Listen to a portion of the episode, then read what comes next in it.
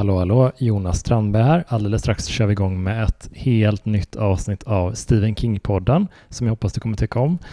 Innan dess så vill jag bara nämna att eh, den här podden är ju helt reklamfri och det tycker jag är skönt om den kan få fortsätta vara. Så om du vill stötta podden så får du jättegärna gå in på eh, Patreon och bidra med en liten slant så får man också lite bonusgrejer då och då. Så att eh, gå gärna in på patreon.com snedstreck Strandberg. Eh, den eh, adressen finns också här i avsnittsbeskrivningen. Om du vill stötta Stephen King-podden så blir jag superglad. Och om du vill se Stephen King-podden live så finns det möjlighet att göra det nu i september. Gå in på biletto.se så hittar du biljetter till eh, Stephen King-podden live när jag kommer prata om It, både boken och filmen. Na, filmerna med Sebastian Mattsson och Helena Dahlgren. Det kommer bli svinkul och biljetterna går åt där. I det här avsnittet som inspelas på Ådalens litteraturfestival så gästas jag av författaren Mikael Yvesand som har skrivit eh, hyllade romanen Häng City. En bok som i recensioner har jämfört en hel del med Stephen Kings eh, The Body och Stand By Me. Så det kommer vi prata lite om nu. God lyssning!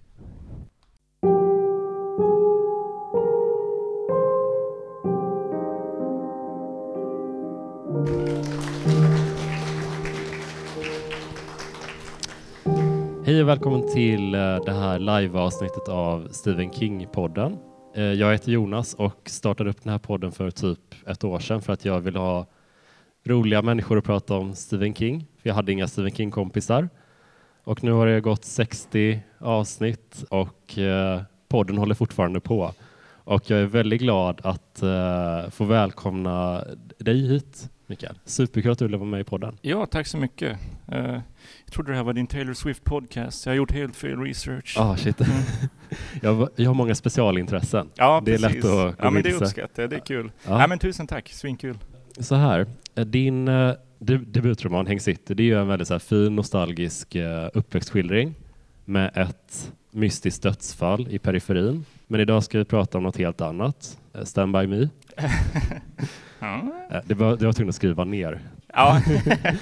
det är skarpt. Uh, men vad, vad har du för relation till, till Stephen King? Um, ja, alltså inte, inte någon särskild sådär. Um, man har ju sett de här filmerna som alla har sett, The Shining, Misery, It. Jag har inte sett den gamla, eller liksom den där uh, Tim Curry It. Jag har sett den nya. Mm.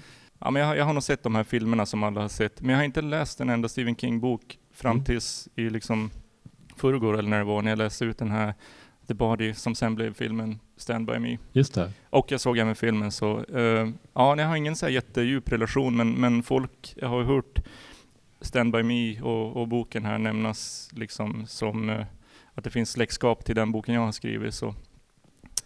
Men det är så kul att du har inte sett filmen tidigare som du sa, och du har inte läst uh, ja, boken. Men vad, vad hade du liksom för, för förväntningar innan du tog dig an dem? Ja, det, det, det var ju skönt att det blev den här ordningen för vissa. Jag kunde ju som se likheter. Det, det var nog skönt att jag, att, jag, att jag skrev det jag skrev och sen läste den här, för annars hade jag kanske blivit, fått för mig ibland, ja men nu har jag råkat skriva som den här scenen är ganska lik och, lite att, att de här pojkarna är ganska små men ändå lite så här röriga, att de röker sig och sånt där, vilket vi också gjorde. Då hade jag nog känt att nej, men nu kommer folk tro att jag att jag vill göra de här Stephen King-karaktärerna. Mm.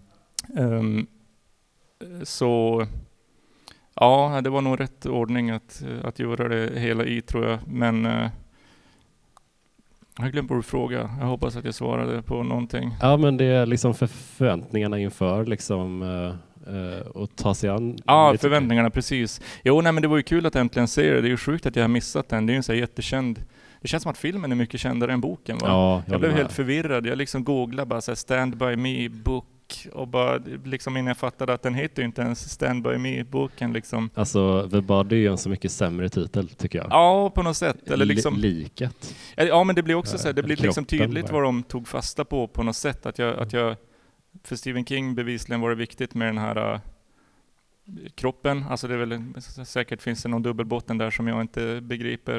Eh, men, men att det var liksom något han tog fasta på medans regissören, eller vem som nu hittar på den här titeln, kanske fokuserade mer på det här, eh, jag vet inte, lite så här sepia-tonad nostalgi på någon vänster. Ja. Jag tyckte boken var lite mörk oftare än vad filmen kändes mörk sådär. Mm. Så ja, Ja, men jag fattar. Vad var första känslan när du hade sett filmen och läst boken? Vad, vad, vad lämnar de dig med för känslor? Eh, hmm. Ja, vad ska... Vad hade jag för känsla? Jag känner ju, jag har inga känslor vet du, Jonas Strandberg. Du är helt iskall. Det är som helt tomt här bakom. Flatline. Ja. Ja. Ehm, ja, nej men som sagt, jag tyckte nog att de hade lite så olika känslor, eh, lite olika ton i dem sådär. Och det är ju kul alltså om man, om man tar en bok som förlag och gör något av det, då är det roligt att man inte bara plankar det, eller om det ens går att planka någonting så är det inte objektivt, utan det, det blir ju färgat av ja, en, en regissör och vad det nu är, manusförfattare som tillför sina egna grejer och saker stryks och tillkommer och så vidare. Eh, Så boken tyckte jag nog var lite, ja kanske lite mer, jag vet inte om vemodig, men det kändes lite mörkare på sina ställen. Lite Mm. så här, det fanns några så här, alldeles i början kommer jag ihåg att de nämnde någonting när han pratade om det här. Det är någon slags flashback till den här kroppen, att han minns hur haglet föll i ögonen, de öppna ögonen, som jag tyckte var en så här bra otäck bild. Men boken kändes ganska städad från det där, lite mer otäck på det här äh, andra sättet, att de har de här storkillarna som de får stryka av och att det var ett mer närvarande hot. Eller så här, det, det var i alla fall det jag, jag fick med mig. Jag, jag fick känslan av att det var att man hade tagit lite olika vägar på någon vänster. Mm. Men ändå hyfsat trogen äh, boken var väl filmen, tyckte jag nog ändå. Mm. Vilka, vilka paralleller kan du se själv, liksom, nu när du har sett eh, filmen och läst boken, mellan dem och eh, din bok? Ja, alltså vissa saker är ju ganska uppenbara på någon vänster, att det är liksom jag vet inte hur gamla de ska föreställa vara, men det känns som att det är typ den där åldern, så här 13 någonting kanske. Ja, ty- typ. Ja, att man här halv på vippen in i puberteten liksom och att man å ena sidan är barn, bara gör pappskalliga barnsaker, men också börjar bli lite vuxen så här. Så det, det är och, och att de är så, ja, röker och är lite så stökiga, dräller runt, balanserar på någon spång liksom. Mm. Det känner jag igen. Men annars så det, det kanske var lite mer så här, inte så realistisk om man säger, alltså den utspelar sig på typ 50-talet någon gång så här, så att det- det blir någon så här lite så här väldigt förhöjd filmisk pryl, eller så i alla fall jag, jag kan ju inte associera till något annat än liksom Kiefer Sutherland med så här grease-frisyr, sitter och röker liksom så här. Det är väldigt eh, filmiskt på något vänster, medan min bok är nog mer realistisk. Jag tror inte jag hade försökt förhöja, det finns liksom ingen kanske sådär romantisk estetik eller någonting, utan den är nog rätt torr på det viset. Men det känns som att när film ska, skapar och sådär, när de ska skildra om de växte upp på 50-talet eller sådär, eller var väldigt unga då, Ja, då har de en väldigt, väldigt idealiserad bild. ja. Det är bara finpolerade diners och eh, helt splitternya bilar ja som ingen borde kunna ha råd med. absolut. Men alla kör omkring med dem hela tiden. Jo, ja, men det är verkligen sådär. Och det tyckte jag var så jävla kul med den där filmen också. Jag vet inte om du har sett den här, uh, heter den Walk Hard? Som är liksom någon så här Walk the Line parodi, att det ska vara så här musiker, Ja, biopic uh, just det. parodi. De pratar om det här att hans brorsa har dött, att föräldrarna är så här, the wrong kid died liksom. Ty- Typ exakt så i den där filmen, fast inte, inte ironiskt. Att det verkligen är så här, det var fel pojke som dog.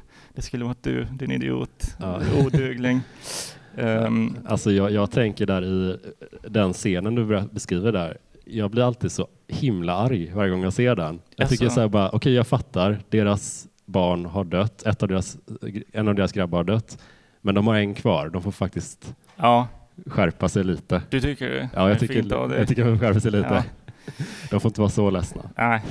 Ja, nej, alltså precis. Eh, Var det förresten, eller såg jag fel, var det John Cusack som var storebrorsan? Ja. Det var det. Ja, Jag, bara, jag tyckte det ser exakt ut som han, men det kändes som att han skulle varit lite äldre då. Men ja, då var det han. Ja. men det var precis, eller eh, lite efter Say Anything, den här hålla stereon ovanför huvudet. Eh, ah, Jag tror det, några år kanske. All I right, anslutning där. just det. Men jag, tänk, jag tänkte på en grej som jag verkligen känner igen när jag läste om boken nu för, och, och din, din bok. Eh, ni, både du och King är väldigt bra på att gestalta det här planlösa kringdrivandet, tycker jag. Eh, att det fanns ingenting att göra. Man tvingades ut av sina föräldrar och ja, vad ska vi göra? Jo, ja precis. Ja men det där känner jag igen. Det var, det var bara att jag tyckte att han, jag, jag, tror att han är mer, Eh, eller naturligtvis mycket mer erfaren författare. Jag tror att han vill, han, han tar liksom ut svängarna mer. Jag vet inte om hans barndom var sådär, men att det är liksom mer, det är ett mycket tydligare äventyr. än mycket så här, de, har, de följer det här järnvägsspåret i jakt på det här liket liksom, och de har snott en pistol och de har det här äh, gänget liksom, det är en sån tydlig liksom konflikt, eller man ser vartåt det barkar liksom, att de är jagade av de här, det, det är liksom större ytterligheter på något vänster, en ty tydligare dramaturgi, eh, mm. medan jag nog var mer inte vet hur man skriver dramaturgi, så allt bara går på och det händer inte så mycket spännande saker liksom. Um, men det kanske var, det, hans barndom kanske var med sådär. Det, det är så himla svårt och som du säger, alltså den här idealiserade 50-talsbilden. Jag kände ju bara, men det här kan ju inte vara någons liv. Det här, du har ju bara sett Grease och typ fått en psykos och bara, just ja, så här var det. -hmm. jag, jag, tror att han, eh, han hatade så här raggare, tror jag. När, ja, när det, det känns så. De är så jävla ondskefulla. Ja. de bär kniv, alltid. Ja, ja exakt. De har skinnjacka. Jag ja. sa det faktiskt eh, när vi tittade på den, bara, vilka jävla psykfall. De är så 20 år gamla och bara så spöar typ 10-åringar. Bara, vem impar de på liksom? Så varandra? Det är bara psykopater. Så här elak är väl ändå ingen. Jag tänkte på en grej eh, som jag har nämnt några gånger i podden, att eh, när eh, King brukar ofta vara väldigt så bra på att bygga upp en så här lite mysig stämning i början av sina böcker och man lär känna alla karaktärer och får tillbringa mycket tid med dem i deras vardag och så. Och sen brakar helvetet löst och sådär. Och jag tyckte det var väldigt kul att läsa din bok som kontrast till det. För man fick vara i det, den världen. Inget brakar någonsin löst. Det var, det var, fast det var på ett behagligt sätt. Ja. Jo, nej men det precis. Var, det var lite, det var kul när man har pratat så mycket om det och sagt att ah, det hade varit kul och, och, om det var så. Ja. Någon gång. Jo, nej men precis. Jag, jag har väl den där, ja, jag har nämnt det några gånger nu, känns det som. Det känns som att jag har hört mig själv beskriva det här så mycket. Mina ord betyder liksom ingenting för mig själv längre, men att det verkligen saknas en intrig på något vänster. Det, det, eller ja, lite grann, lite små saker sådär, men på det stora hela saknas det att det kanske är på ett sätt som Stand By Me, men utan Kiefer Sutherland och det här liket och blodiglarna och allt vad som händer liksom. Och den här eh, kräkscenen också. Ja, fan vad jag blev förvirrad. Eller vid, vid det laget hade jag fattat. För jag läste liksom halva boken, sen såg jag filmen, sen läste jag andra halvan. Så då fattade jag, jag vet inte varför jag inte förstod det där riktigt, att han berättaren, som känns som ett ganska tydligt liksom, eh, Stephen King, eh, vad säger man? Han skriver om sig själv, liksom, han heter något annat. Att han vill bli författare. Så han skriver lite så noveller för sina polare. Eh, så rätt tidigt i boken så är det liksom en av hans noveller på något sätt helt plötsligt insprängt på något vänster. Och jag kanske bara var ouppmärksam, men jag fattade ingenting, att det bara helt plötsligt bara var nya namn och jag förstod ingenting av det har ju inget att göra med resten av boken naturligtvis, för det Nej. är ju en annan berättelse. Men, ju, ja. ja. och sen den där uh, pajätarprylen som du pratade om. Men då hade jag fattat, för då såg jag filmen och då, då förstod jag att det här ja, det är en av hans stories på han läser. Jag tycker det, det partiet är, känns så överflödigt varje gång jag ser den filmen. Jag ser den ganska ofta, typ så här en gång om året kanske. Ja. Och bara varje gång den scenen kommer, och bara nej, just det. Ja, den här är, äckliga scenen finns också. Ja, väldigt dåligt så här, på ett roligt sätt också när man ser sådana här gamla filmer. Nu är inte Stand By Me asgammal, men så här, lite gammalt. De var så ganska slappa med specialeffekter. Det var som att de inte tog om när saker blev fel. För de har sådana här att de ska liksom kaskadspy på varandra, så de har väl något så här rör liksom på sidan. Men man ser att det är helt sämst liksom. Bara, man, man ser liksom att det bara spyan kommer från typ så här, tinningen och bara, det här är helt värdelöst. Men de har inte tagit om det, bara uh, close enough. Men, uh, men det sjuka med den scenen är också att uh, det är ju för att gestalta att huvudpersonen är en otroligt skicklig berättare. Ja. Och så är det en sån fruktansvärt risig historia. Ja, ja men precis. Fan, du kan vara imponerad av det här. Jo, ja men precis. Men det är väl lite sådär, uh, ja de är, de är så jävla små liksom att vara en bra berättare där. Det var inte jättehöga, vad säger man, man hade inte jättehöga krav på något sätt. Det är fan sant. Jag kom på det. Eh, jag pratade med en barndomskompis eh, för några veckor sedan och bara Fan vad man aldrig hade några idéer när man var liten. jag hade Nej, nog aldrig en enda idé tror Nej, jag. nej, nej. Han var satt och gapade. var helt uttryckslös. Jo, exakt. Ja, det är med det jag har försökt ta fasta på. Ja, Barndomen gick till stora delar ut på att sitta och gapa för mig. Inomhus ofta också. Det är Ja. det som är Stand By Me är väldigt sådär mycket att det är solnedgångar, de går på fyller här tågräls. Det är väldigt romantiskt liksom sådär. Mm. Min barndom, i, i delar av det där fanns ju, men det var ju mycket att man, man var ju som inne och typ så här eller att man var ute och bara skata på sin garageuppfart och det var mulet liksom. Det var ju ganska ja. shit tillvaro. Ja, ja. Alltså mina föräldrar var alltid så här, nu, ni måste vara ute så här, ja men typ eh, två timmar eller någonting nu för att ni har suttit och spelat tv-spel hela tiden. Ja men ibland så tyckte jag man bara tråkade in sig själv i någon psykos. Ja. All, vi är alla överens om att vi har svintråkigt nu, Ja. men man bara blev helt apatisk. Ja, ja. Så man bara satt med typ bara, och gjorde någon skit som ingen tyckte var kul liksom. Nej. Eh, Vi ställde oss till slut efter och bara tittade in genom fönstret och bara väntade på att få komma in.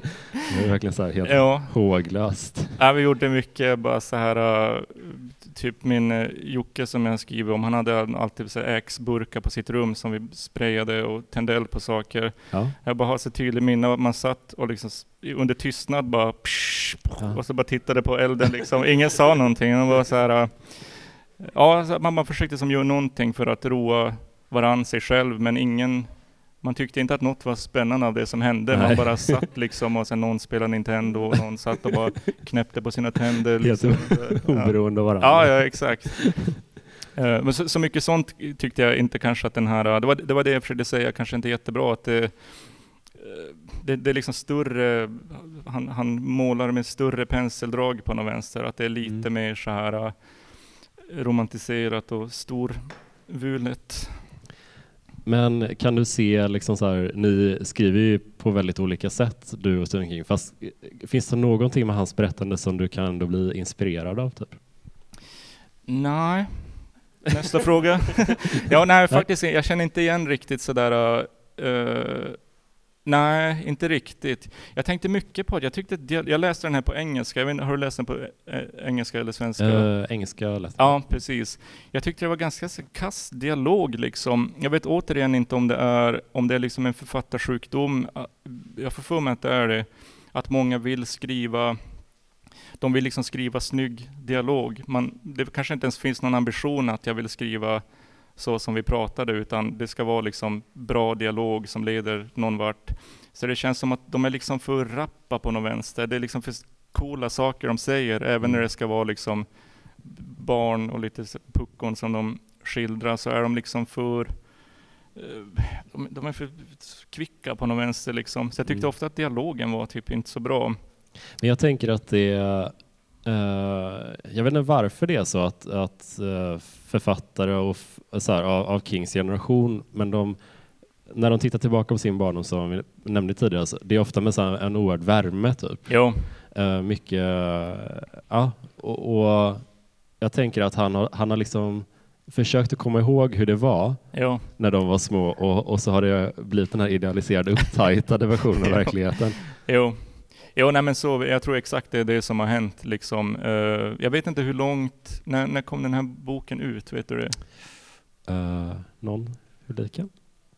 80 någon gång kanske? Ja, filmen måste ju ha varit, Jag skulle gissa typ 84. mm, sånt. det låter nog rimligt. Ja, jag vet liksom inte hur lång tid det gick mellan, mellan att han skrev boken och tiden den skildrar, men det känns som att det har hänt någonting på vägen. Eh, men, men det kanske också, alltså det kanske var, det kanske fanns en, en avsikt med det, att han ville förhöja saker och ting och kanske inte tyckte det var viktigt att, att få med att, det- att det ska vara realistiskt nödvändigtvis. Jag, jag kan ju också, så vissa, vissa saker i Häng City är ju väldigt surrealistiska och väldigt förhöjda, liksom helt, uh, har inte något med verkligheten att göra.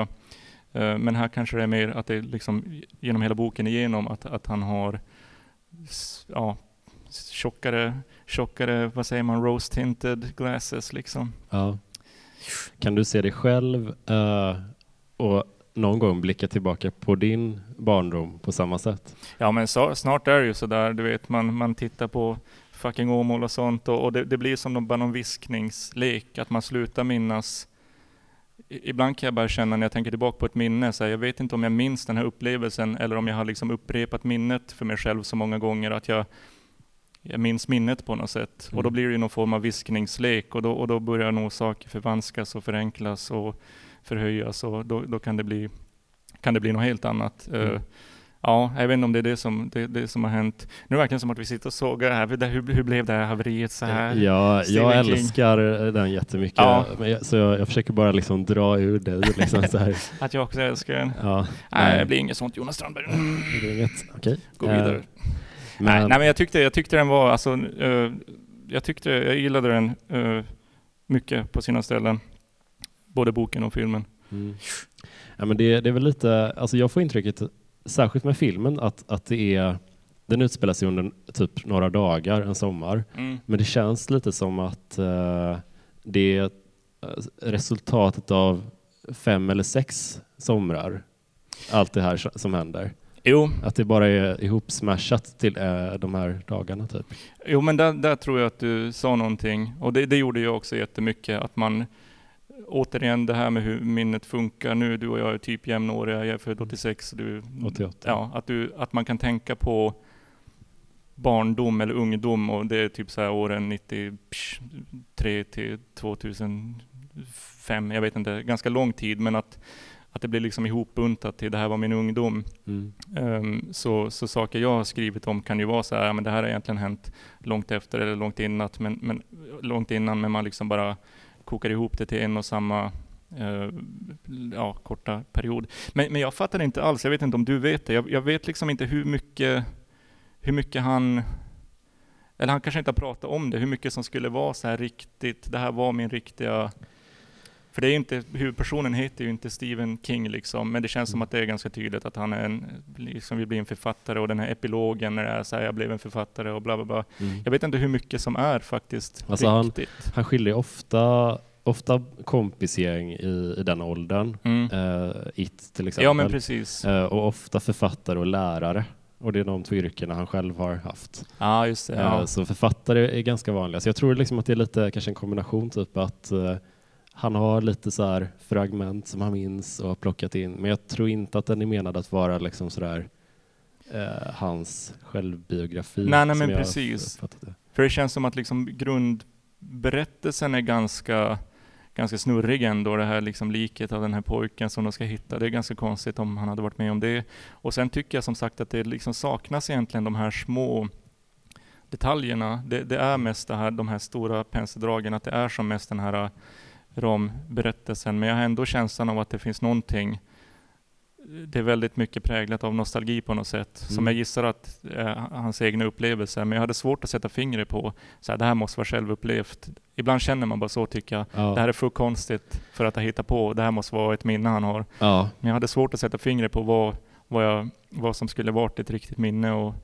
det saknas liksom någon... Men jag tänkte på det med det här liket som de ger sig ut för att hitta. Eh, det känns som någonting han har lagt till efter att han har bestämt sig för att jag vill skildra eh, vänskap en sommar.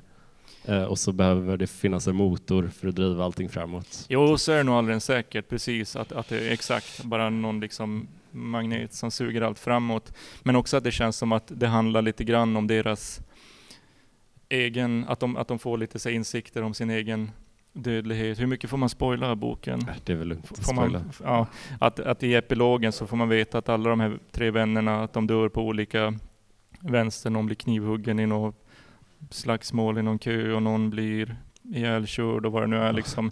Och, och, att även innan, innan epilogen, att det, att det blir berättaren känns som att han börjar tänka mycket på sin egen dödlighet. Ja. För att den här liksom, snubben som har dött är ju typ i deras egen ålder. Liksom. Det.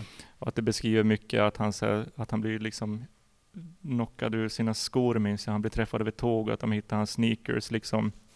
Som jag bara tänkte att det här är säkert liknande skor som han själv hade. Att det, att det kanske var ett, ett sätt att uh, fylla båda de här funktionerna. Dels att dra historien framåt och också mer konkret få huvudpersonen att reflektera kring, kring sin egen dödlighet och sina, sina vänner som försvann ur hans liv och sådär. Ja. Men jag tycker det är en väldigt fin eh, första bekantskap med döden. Alltså det är inte fint att de hittar en död människa, men alltså det sättet de gör det på. ja. Det känns ju som att de kanske inte, när de ger sig av på den här utflykten från början, det känns inte som att de är helt övertygade om att finns det ett lik på riktigt eller är det bara en skröna? Nej men Så- precis. Så att, Jo, exakt. Och, och också att, att de, det känns som att deras inställning till det liksom förändras. Att de först är så här, oh, you wanna see a dead body? Att det är så här, mm. fan vad fett, liksom vad spännande.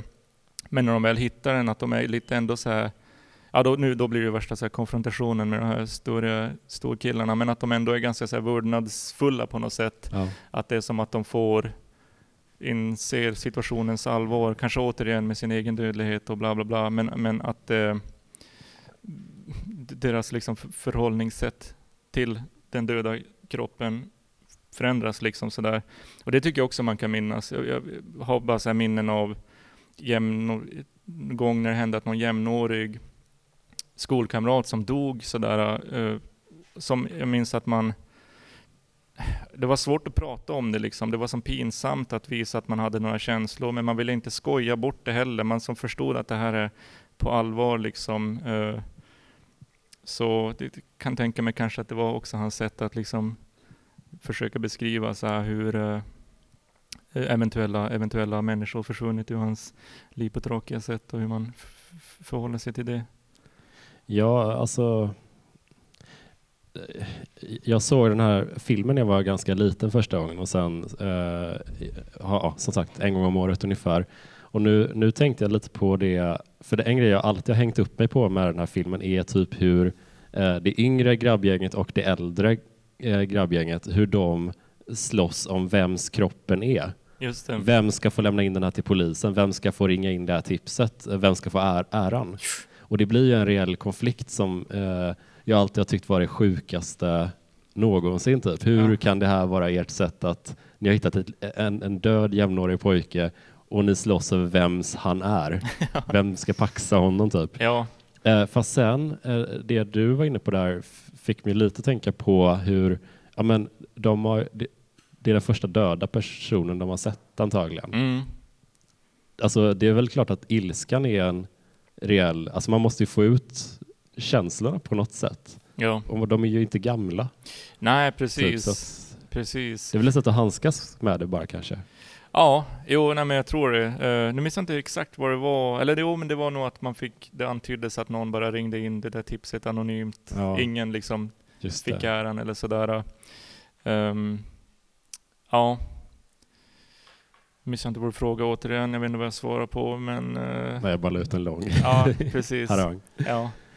Men det är lite, det, det är fint med den hur den kan liksom förändras lite med, med åren så tycker jag. För att eh, jag tycker ofta det är som med, med böcker och filmer som man återbesöker många år senare att de har lite eh, förvrängts lite Jo, på något sätt. Jo, men det färgas mycket av hur man själv mår när man konsumerar saker. Du, du berättade tidigare att det här var en sån här uh, snuttefilt-film för dig. Ja, ja. Att jag liksom, Jag, jag, kan inte, jag berättade för dig igår att Ja. jag, jag, kan inte, jag kan inte gråta eh, så här. nej. Utan jag måste ha något som, om jag är ledsen så måste jag ha något som triggar det. Ja, Och då är den här filmen så här, okej nu måste jag vara ledsen. ja, Då slår jag på den här filmen.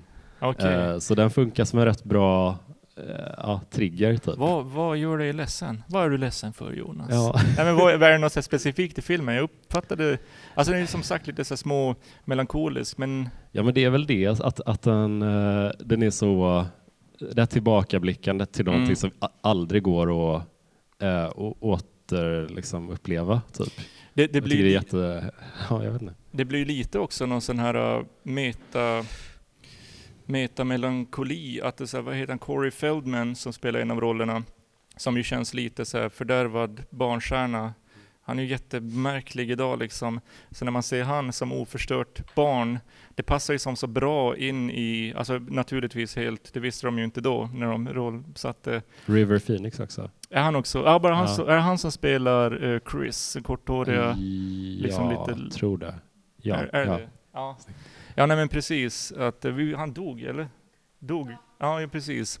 Ja, det är också, det visste jag inte ens, men då, det är också deppigt. Så att det, att det finns liksom nå- något så här meta sorg i allt det här. Ja, att man, att och man, att de har liksom Stand By Me, Benny King-låten. de liksom teasar. Ja, det är ja, ett jag motiv. älskar Ja. det. Jag älskar det. Man hör liksom motivet, att det är tonerna, men de är liksom, det är nedsa, eller det är väl något arr liksom. Så man känner igen tonerna, men det är, Jag, jag snodde den grejen. Jag gjorde en dokumentär för flera år sedan eh, där jag hade fått loss eller fått loss, eh, min, min, min kompis band Mm. hade gett en jättebra låt som jag fick använda i filmen. mm. Och då lät jag liksom instrumentalen ligga typ hela tiden nästan så här till och från, till och från. Och sen i slutet så hela låten. just det. Det är så, det är så billigt men det är också jätte, jättefint. Ja, absolut.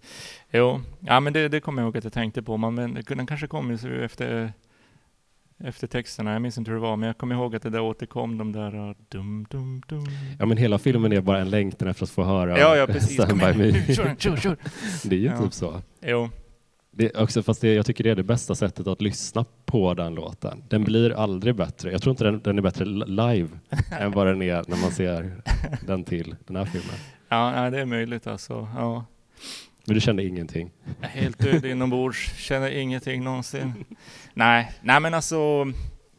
Ja, jag vet inte fan, jag, jag tyckte nog att det var um, det, det, det är lite svårt, alltså så här, om, om, du, om du har sett den väldigt tidigt och den har följt med dig, då, då, liksom, då betyder det nog någonting särskilt för dig. Nu som jag bara såg den idag så var det mycket att jag tyckte den var lite, säger man 'hemfisted' att det var liksom det saknade lite, saknades lite fingertoppskänsla och att det är jävligt så taskigt att se en film från liksom, mitten av 80-talet, vad det nu är. Idag det har hänt så mycket. Alltså nu, nu finns det parodier som skojar om de här sakerna. Som skapar trovärdiga spyor. Ja, ja precis. Nej, men att den, så här, den satte liksom trender, så här, den var ju säkert stilbildande. Så då gör folk så, och då blir det liksom en, en kliché. Mm. Så det, man ska inte lasta den för mycket, för det är heller liksom ehm, och återigen, jag, jag gillar den på, på det stora hela.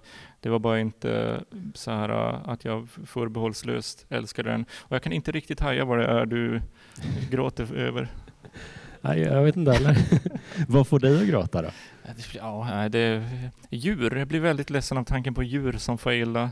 Ja. Jag såg på tunnelbanan en, eh, i julas så var det liksom en bild på en gris i en liten spilta och så stod det Jag önskar mig en julklapp är att få solsken på mig eller någonting. Då höll jag på att börja lipa. Ja, fan. Fy fan. Ja. Low blow. Ja, nu pajar jag stämningen här. Jag, jag såg, eh, du, kommer du ihåg den här tågscenen? Eh, tågspårs. Ja, jo. Japp, japp. Eh, det om ni var länge sedan ni såg den så det är en scen där de behöver ta sig över en flod så då, de här grabbarna de går över ett, ett, ett tågspår och ungefär när de är på mitten, mitt över, på, jättehögt upp Mm. så hör de hur tåget börjar närma sig och de springer för att klara sig. Eh, jag såg eh, en Youtube-kanal som har som grej att besöka så här, inspelningsplatser för skräckfilmer. Ah, är det Eller den här... klassiska uh, filmer. jag tror jag har sett det här kontot. Vet, kommer du ihåg vad det heter på rak arm? Grim Life Collective. Nej, då var det inte det. Ah, sorry. Alltså, och det är så irriterande för att de gick till det här spåret som existerar fortfarande. Det är avstängt. Det är liksom, de har sådana här betongsuggor på båda sidorna. Eh, och så, så säger de så här bara, ja eftersom de har ställt de här betongsuggorna här så kan vi såklart inte gå på spåret. Fan, jag är värdelös. Och så åker de hem. Nej. Kast. Vad är det? Nej, det är för jävligt. Jag kräver ett svar. Jo, nej men eh, precis. Det, det var apropå det där med tåget. Eh, när jag, när jag, jag, när jag, efter att jag hade läst den här boken så funderade jag liksom på vad har jag att säga om den. Det, då, då mindes jag liksom inte vad var själva konflikten, för det kändes som att de på något sätt var hotade. Alltså dels att de ska hitta den här kroppen, men att de också var lite jagade på något sätt. Det, det kändes inte som att det var helt så här relaxad stämning, så då läste jag på baksidan och då stod det just det där om någonting att uh, rumbling train tracks eller någonting, att det var liksom ett ankommande tåg. Uh, the tracks begin to hum, bla bla bla.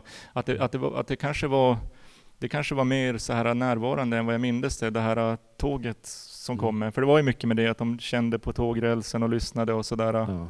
Jag vet inte om det skulle liksom symbolisera någonting, kanske vuxendomen som skenar mot en eller något. Mm. Ehm, vet inte vad du ska göra med den här informationen. Nej, det, det är en intressant den. Ja. tolkning. Men har du någon eh, favoritscen från filmen och boken? Ehm, hmm. Jag kommer ihåg, eh, ah, nu kommer jag ihåg en annan sak. Eh, det, är den där scenen alldeles i början när han beskriver hur det här haglet föll in i ögonen på den döda kroppen. Det tyckte jag var en så här bra bild. Eh, du, du frågade mig tidigare tror jag om jag, om jag liksom såg några likheter eller skillnader till vad jag själv har gjort. Jag kommer ihåg att det var någon scen han beskriver någonting, jag minns inte vad det var, något lite spännande och att han börjar höra stråkmusik, läskig stråkmusik i sitt huvud. Det där kände jag, det är precis en sån sak jag hade skrivit men bara tagit bort det där i mitt huvud, att det Mm. bara det börjar spela stråkmusik. Vilket är omöjligt, men jag tycker det är kul med omöjliga saker så där är mitt i allt. Eh, så det, kommer jag också ihåg. Ehm, det var nog de grejerna jag minns från, från, från eh, boken som sådana här favoritsektioner. Filmen, hmm. Jag tror nog jag gillade ändå mest det här uh, början faktiskt, innan de ens åker ut på det här äventyret. Den där när man får se lite av den här staden, det är ganska så här idylliskt, trevligt liksom. Um, Du gillar det statiska. Ja, jag, gör nog det. Ja. Jag har sagt det många gånger att jag har så dåligt lokalsinne så jag tycker om när de inte går för långt. Jag vill bara sta- stanna nu på ditt rum, ta det lugnt. Ehm, så det, det, det tyckte jag nog allmänt var trevligt sådär när de bara liksom laddade på där i sin, eh, i sin, i sin hemstad. Hade någon så här koja, någon satt och spelade kort och sånt. Det var trevligt. Uh, minns den här scenen med blodiglarna naturligtvis. Kanske ingen favoritscen men det var ändå minnesvärd liksom. Eh, ja, har du någon favorit sådär? Jag gillar den hundscenen. Ah, just det. Vad hette han? Ch- Chomper eller något sånt där? Ja, när de ska fly över det här Absolut. eh, inhägnaden typ och så blir de jagade av den här ondskefulla hunden som är så Mhm. här världens gullis. Ja, precis. Eh, och så börjar den här gubben som äger stället, Ja. han börjar springa efter och skälla på dem typ. Och de säger något barnsligt taskigt till honom och han säger typ att men din farsa är ett psykfall som misshandlar dig. ja, just Bara, det. "Åh, oj, Jävla vad rimlig sak att skrika till ett barn. Ja, nej det är riktigt taskigt. Men det, det är en grej jag har alltid tänkt på så här, känns så sjukt trovärdigt typ för att den här snubben han bor ju själv typ vad det Mm. verkar och rätt off typ. Han, har- han kan liksom inte, det har ju slagit slint i huvudet på honom. Han kan inte prata med barn längre. Nej, precis. Han har ingen fingertoppskänsla. nej, nej. Jo, nej absolut, absolut. Och han blev så ledsen, vad heter han med glasögon? Eh, Teddy Duchamp. Teddy heter han, ja precis, som blir så här ledsen även fast hans farsa är ett svin. Att han liksom är, ja, blir ändå väldigt ledsen av att han förolämpar hans farsa liksom. Ja men den lojaliteten han har mot sin pappa tycker Ja. jag också är fruktansvärt rörande. Alltså, Jo, det kanske var det precis, att han, ja, pratar om att hans pappa stormed the beaches of Normandy. Och ja, liksom, ja, just det. ja. Ja, men det, det är väl en sån grej som, även om hans pappa verkar vara eh, hemsk verkligen, så där kan man verkligen, min pappa var inte alls en hemsk människa, men man kan identifiera sig med det när man var liten och någon sa någonting om ens föräldrar, typ, att man bara, jag vet inte, det triggade Jo, jo. någonting. Typ. Man, man själv får prata hur mycket skit som helst om dem, Ja. men alltså, Jo, nej men det var precis som man kunde skryta om så här, vad sin farsa gjorde och typ så här. Ja, min pappa är ju gammal militär och sånt där. Det var också så här, och han kompisar som också hade farsor som var militärer. Ganska vanligt där uppe att man liksom, vem hade, vems farsa hade coolast befattning? Så här, vilka, vilka maskingevär sköt du med? Ah. Jo, ja, det kände man ju också igen naturligtvis. Eh, ja. Men, men det känns ju också som att det här v- vilda i att de liksom ändå lyckas hitta en pistol och sådär. Det känns så Mm. himla... Men han snodde väl den, alltså han Chris, det var väl att han snodde den från sin pappa tror jag. Just det. Ja. Men jag tänkte på, alltså, hade det varit i en stad, Mm. eh, då tror jag typ inte det hade utspelat sig så. Det, det känns så himla vilda västern hela deras, de här sommardagarna. Jo, det känns ju precis, det är så jävla utflippade saker att det finns ett vapen i USA. Att sådana små pojkar bara snor med en pistol som ett Ja. liksom skämt. Det är, det är Ja. helt ofattbart att någon skulle haft en pistol när man var så liten. Det tror jag att jag hade fattat redan då. Bara, men för helvete, du kan inte runt med en pistol, din jävla dåre. Men det är Eh, också, man, det är så snyggt att man vet att de har med sig den ganska Mm. länge. Och sen så, det är så här Chekhovs uh, Ja, grej, det, att, att den ligger liksom hela tiden vilandes. Eh, Ja. och, och sen så när Kiefer Sutherland och hans mobbargäng kommer på slutet och drar kniv mot dem, då Ja. drar de pistol tillbaka. Precis. Men Liksom. jag, jag gillar hur de drar ut den konflikten där mellan Kiefer och eh, de yngre grabbarna. Att Mm. det, det hinner gå ganska lång tid innan det här skottet liksom. Ja, Alltså, det, det är ganska, han, de håller på det ganska länge.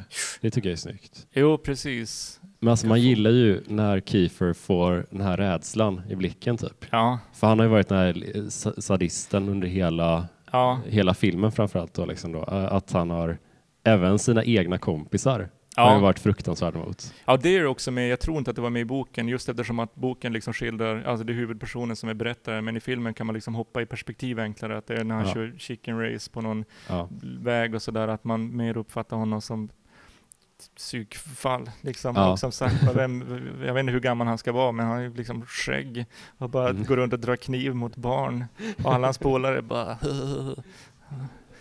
Det är också kul att de är så himla, eh, lå, alltså, så himla fega alla hans kompisar. Ja, ja. Alla! Det är Ja. bara Kiefer som är en sorts ledargestalt. Alla de andra är så här ganska svagsinta, ja. liksom har inte... Ja, men riktigt såhär Bebop och Rocksteady, att det är de här Ja. dumma hantlaggarna. Hur många liksom- Bieber och Rocksteady kan man ha i Ja. ett gäng? Ja, precis. Ja. Men det, det, det tycker vi kanske att uh, dynamiken mellan de yngre killarna är ju mycket, mer, äh, mycket tydligare. Ja. Att det finns liksom, här är du och här är du, alla har sina tydliga, tydligt utmejslade personligheter. ja. Äldre ligistgänget, det, det känns lite så här Nej, nej men hafs, hafsigare. Ja, liksom. det är bara en armé Ja. dumbommar. och Kiefer Sutherland. Vem skulle du rekommendera liksom, den här bok, boken eller, och eller filmen till? Oj, ehm, det känns som en ganska allmängiltig film i alla fall. Jag tror nog många är den, den där sortens liksom nostalgi är nog ganska allmängiltig. Jag tror många uppskattar det där. Uh, man bara tittar på typ sen när Instagram kom, att alla de här filtrerna var så här lite sepia-tonade. Solljuset liksom blöder in överallt. Uh, att, det, att, det är, att det är på något sätt det finns nästan en, en, en formel, så här, hur, hur gestaltar man någonting nostalgiskt? Jag kan tänka mig att väldigt mycket av de där grejerna kommer från den där filmen Stand By Me, så här, så här gör man en nostalgisk återblick, då ska det se ut så här. Så jag tror att många, eh, alltså du, du, du- du kan ju säkert inte alls känna igen dig i din barndom, alltså det, det handlar om 50 års skillnad, nej kanske inte, men 30-40 vad det nu är, ett helt annat land. Att man inte känner igen så här, jo men så här var det, men att det, att det fin, finns någon eh, universell nostalgisk känsla som, som många säkert finner någon slags trygghet i. Det, det förvånar mig inte att, att det är en sån här snuttefilm Mm. film för dig liksom. Det känns verkligen som en sån, att den är, Ja, alltså typ. Och det är väl någonting ibland, man, man kan ändå förstå den mekanismen som alltså nostalgin blir då. Ja. Att, att så här, det, det, jag upplever typ så här sen jag passerade tre- 30 att, att jag grejer som jag har irriterat mig hos, hos min farsa eller morsa och så där ibland när jag växte upp, att jag har slätat över det mycket mer för varje år som går. jo, Att, att man blir mycket, mycket mer förlåtande jo, jo. mot sina föräldrar ju längre tiden går. Ja, visst är det så. Till slut så blir det bara som att det är en del av, ja ja, det var, det var så barndomen var. Ja, typ. ja, ja, men precis. Jo, men så är det. Man, man, man liksom slätar över och förenklar på något sätt. Man liksom, man försöker göra allting begripligt. Ja, man försöker någonstans göra en film av sina upplevelser, men en film är i regel begriplig och, och saker och ting har en funktion och ett syfte, vilket naturligtvis verkligheten inte alltid har. Men så det finns nog en tendens att liksom, när man själv blickar tillbaka så fyller man folk som har fu- funnits på riktigt. Ja, men det var den här, det var den tysta killen, det här var den smarta killen, Ja. det här var Kiefer Sutherland-killen. Liksom, att, all, att alla skulle, man bara befolkar roller och, och lite sådär. Eh, och som sagt, man, man komprimerar. Tio år kan bli liksom, ja men det var, du vet, när man var den här, den där gången när man var liten, så här, ja men det är en tioårsperiod man egentligen tänker på. Så så funkar det. Jag tror att det är som sagt ganska så här, universell nostalgi. Jag kan tänka mig att en person som är äldre eller mycket yngre än Stephen King ändå skulle vara överens om att det här är eh, nå- det finns något universellt nostalgiskt där liksom. Mm. Ja, verkligen. Fint sagt. Tack, jag säger mycket fina saker. Ja, ja, faktiskt. Men eh, om vi ska avsluta med att du får göra en eh, Stephen King topp tre baserat på det du har sett. Var placerar sig, eller placerar sig den här ens där? Ehm, då ska vi se. Eh, jag tycker att The Shining inte är så jävla bra som alla tycker. Jag såg den på så drive-in bio i Stockholm för något tag sedan. Det var ganska fett liksom. Eh, alltså den Kubrick, den klassiska The Shining med Jack Nicholson. Ehm, den var nice. Ja, kanske den ändå får... Eller, ja, men nej, vänta fan. Shaw, nej, och nu kommer jag på massa mer. Shawshank Redemption är ju också Stephen King och Gröna milen är Stephen King. Just det, han gör ju sånt där också. Jag bara tänker att han gör läskiga grejer. Ehm, ja, då ska vi se. Ja, men den kanske ändå får göra det. Topp tre. Ja, den får nog vara med på tre. Jag tror att jag sätter den på tre och kanske... Nu har jag som sagt bara sett den där nya ett.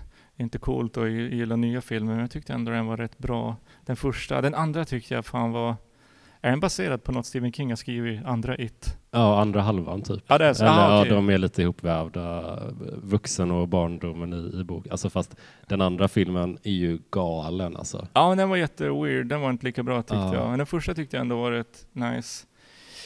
Eh, ja, det får väl bli Shining nummer ett då. Det är så här tråkigt svar, men jag tyckte inte att den var så bra som alla tycker. Men eh, jag- vill inte uppehålla oss här något Eh, mer. Dig. får, jag, får jag bara sl- avsluta med en grej jag störde mig på med It 2. Ja, Eh, det är när eh, de, hon kommer hem till den här gamla damen som bor, Beverly, som vuxen.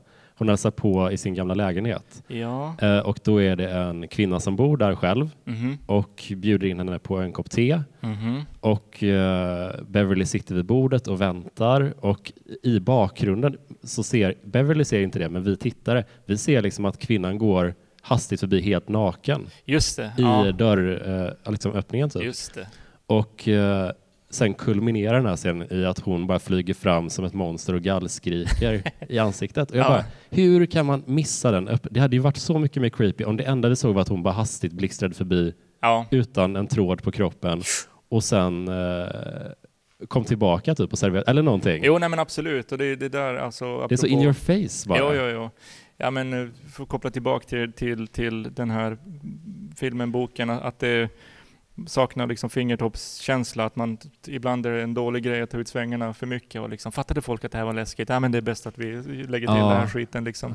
Nej, det är jag helt med. Hela den filmen tyckte jag generellt var riktigt så här uh, uppföljarsjukan, att allt måste vara större och galnare liksom, och då dör hela prylen liksom. Ehm, ja. Kraftigt avstånd mot It 2. Det har vi enats om. Ja. Trots det kontroversiella uttalandet så tackar jag verkligen för att du ville vara med i min Tack, podd. tack, tack. Det var Och tack så jättemycket för att ni har lyssnat på Swingpodden.